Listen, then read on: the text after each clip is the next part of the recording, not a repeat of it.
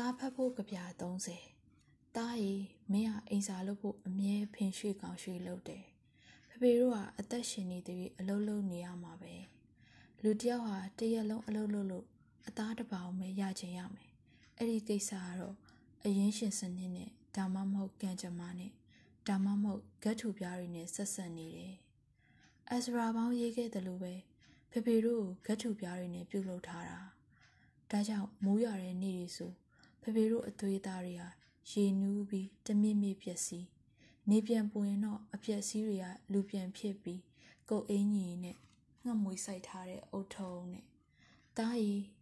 တားရီမဲရဲ့ပခုံးပေါ်လာနာမဲ့သိန်းငတ်ကိုအခုကလေးကလေးကျင်မှာတားလက်ဖြောက်တီးလိုက်တာနဲ့ရိုင်းဆိုင်တဲ့သိန်းငတ်ကြီးဟာယူကျိုးသွားလိမ့်မယ်အခုထိတော့တားအိတ်ခါနီးတိုင်းတားပေါ်တာမြည်ရုပ်လေးအီရိုရီကိုပဲနန်းရှုပ် တားတီလားတချင်းကနာဇရက်ကလူတယောက်ဟာမီးဖို့ကလေးကိုစီးပြီးမြို့ထဲဝင်လာတာအဲ့ဒီလူဟာတကဘာလုံးကလူတွေကိုပင်ပင်ပန်းပန်းအလုပ်လုပ်ကြဖို့ပြောခဲ့တယ်။တားရီတားတီးဖို့ကစူးစားတဲ့လူငယ်လေးရဲ့လက်ထဲကအသားတစ်ပောင်ဟာတိုင်းပြည်တစ်ပြည်ကိုကျွေးမွေးနိုင်တဲ့အကြောင်းပါ။အောင်ခင်မြင့်